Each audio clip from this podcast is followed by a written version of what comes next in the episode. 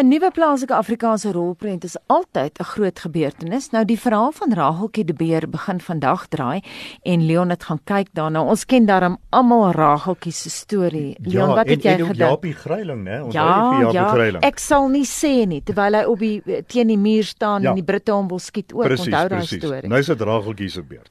Nou baie mense ken die legende oor 'n tiener meisietjie soos eintlik 12 wat in die 1800s haar lewe opgeoffer het vir haar boetie. Hy het verkleim en Rageltjie het haar klere uitgetrek om hom warm te hou. Sy het in die proses gesterf.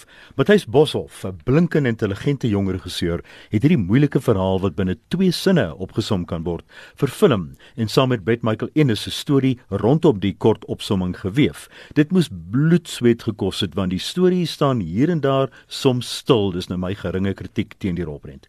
Maar dit neem niks weg van die feit dat Boshoff 'n pragtige periodefilm gemaak het nie. Die wye oop vrystaanse vlaktes teen die agtergrond van die berge wat soos drake tande uitstaan, het lanklaas so indrukwekkend gelyk visueel.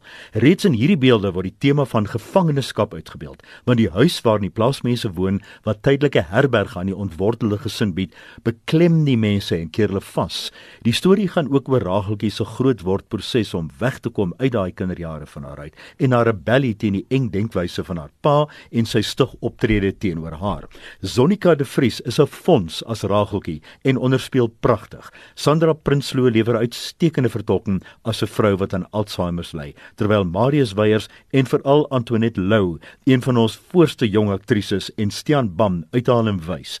Die verhaal van Rageltjie de Beer sal dalk nie in almal, veral in hierdie moderne era, ek dink soms jong mense se smaak val nie, maar verdien om gesien te word. 7 uit 10. Angelina Jolie is terug in 'n fliek. Nou wil ek weet kan sy na haar egskeiding, sy het nie flieks weer gemaak nie. Nee, eintlik nie, nie. Pitt Ek sou nie. ook nie as ek sy was nie.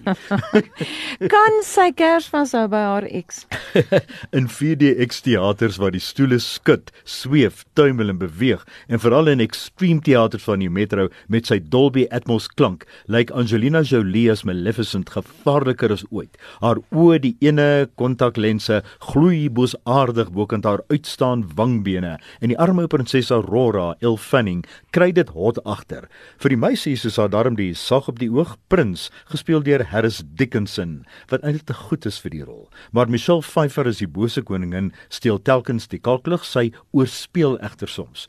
Maleficent, Mistress of Evil gaan oor spesiale effekte. Feetjies dartel, goggenoppertjies huppel, engele tuimel en bome loop wortel en tak oor die skerm. Maar dis die finale veldslag wat die teater en jou beursie laat sidder. Dis vir ma se nul dogtertjies ontwerp. Ek twyfel of Pa en Ouboet sal aanklank vind behalwe wat die psigedeliese spesiale effekte en die oorlog betref. Die fliek is onewe en sommige tonele mis die boerpot, maar as 'n Saterdagmiddag uit en met slush pappie en sjokoladeballetjies sal Maleficent Mistress of Evil so lekker soos die eerste somerreën voel of 'n dag sonder beurtkrag. Aanbeveel vir gesinne. Kinders tussen 7 en 9 moet deur 'n volwassene vergesel word 7 uit 10.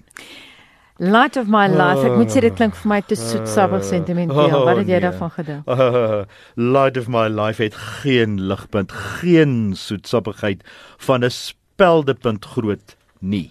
Dit het juigende resensies in die buiteland gekry en soos mense my dalk nie verstaan nie, sal dit vir my ook een van die tergendste geheime van die jaar bly. Waar kom daardie mense aan daardie goeie resensies? Ek het in geen jare so 'n neerdrukkende, eentonige, donker en langdradige fliek, nou moet ek stop, gesien nie. 'n Mens soebat huilend dat die eerste uur dat dit tog net asseblief moet eindig. Bring maar 'n flits saam. Spelgewyse is Light of My Life, die titel suggereer hoe genaamd nie enigiets positiefs wat gebeur of lig nie. Casey Affleck speel die rol van 'n pa wat saam met sy dogter, Anna Pnienovsky, deur 'n post-apokaliptiese wêreld swerf. Nou, hoeveel sulke films het ons al gesien? Alle vroue is uitgewis en sy is een van die enigste oorblywendes. Die probleem is die selfvertroetelende donker troebelstyl waarin absoluut niks gebeur nie vir 'n volle 2 ure van niks. Dis eers in die laaste 10 minute dat die verhaal rigting kry en dit word soos 'n kunsfilm gesien terloops. En so almal wat altyd sê ek gee net goeie resensies vir kunsfilms, luister verder. Teen hierdie tyd het jy al in 'n springmielie koma verval en 'n depressie het jou geslaan, erger is oor die droogte.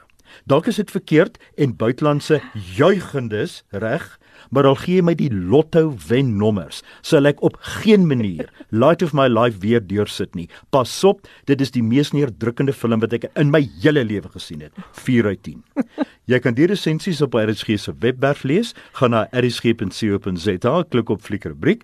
Terloops as jy na vorige resensies soek, is dit ook hier te vind of jy kan op pot gooi na die resensies luister. Het jy vir my 'n kalmeerpil dan net? Hoorie, ek moet nou net vir vir ons luisteraars verduidelik hoekom ons almal hier sit en lag en kyk na Jean ook, want soos wat Leon homself nou in 'n totale dit dis so dis amper soos 'n soort van 'n wat nie hysterie. Hysterie wat jy jouself inwerk so praat hy met sy hande saam so benadruk hy met sy hande elke woord wat hy sê.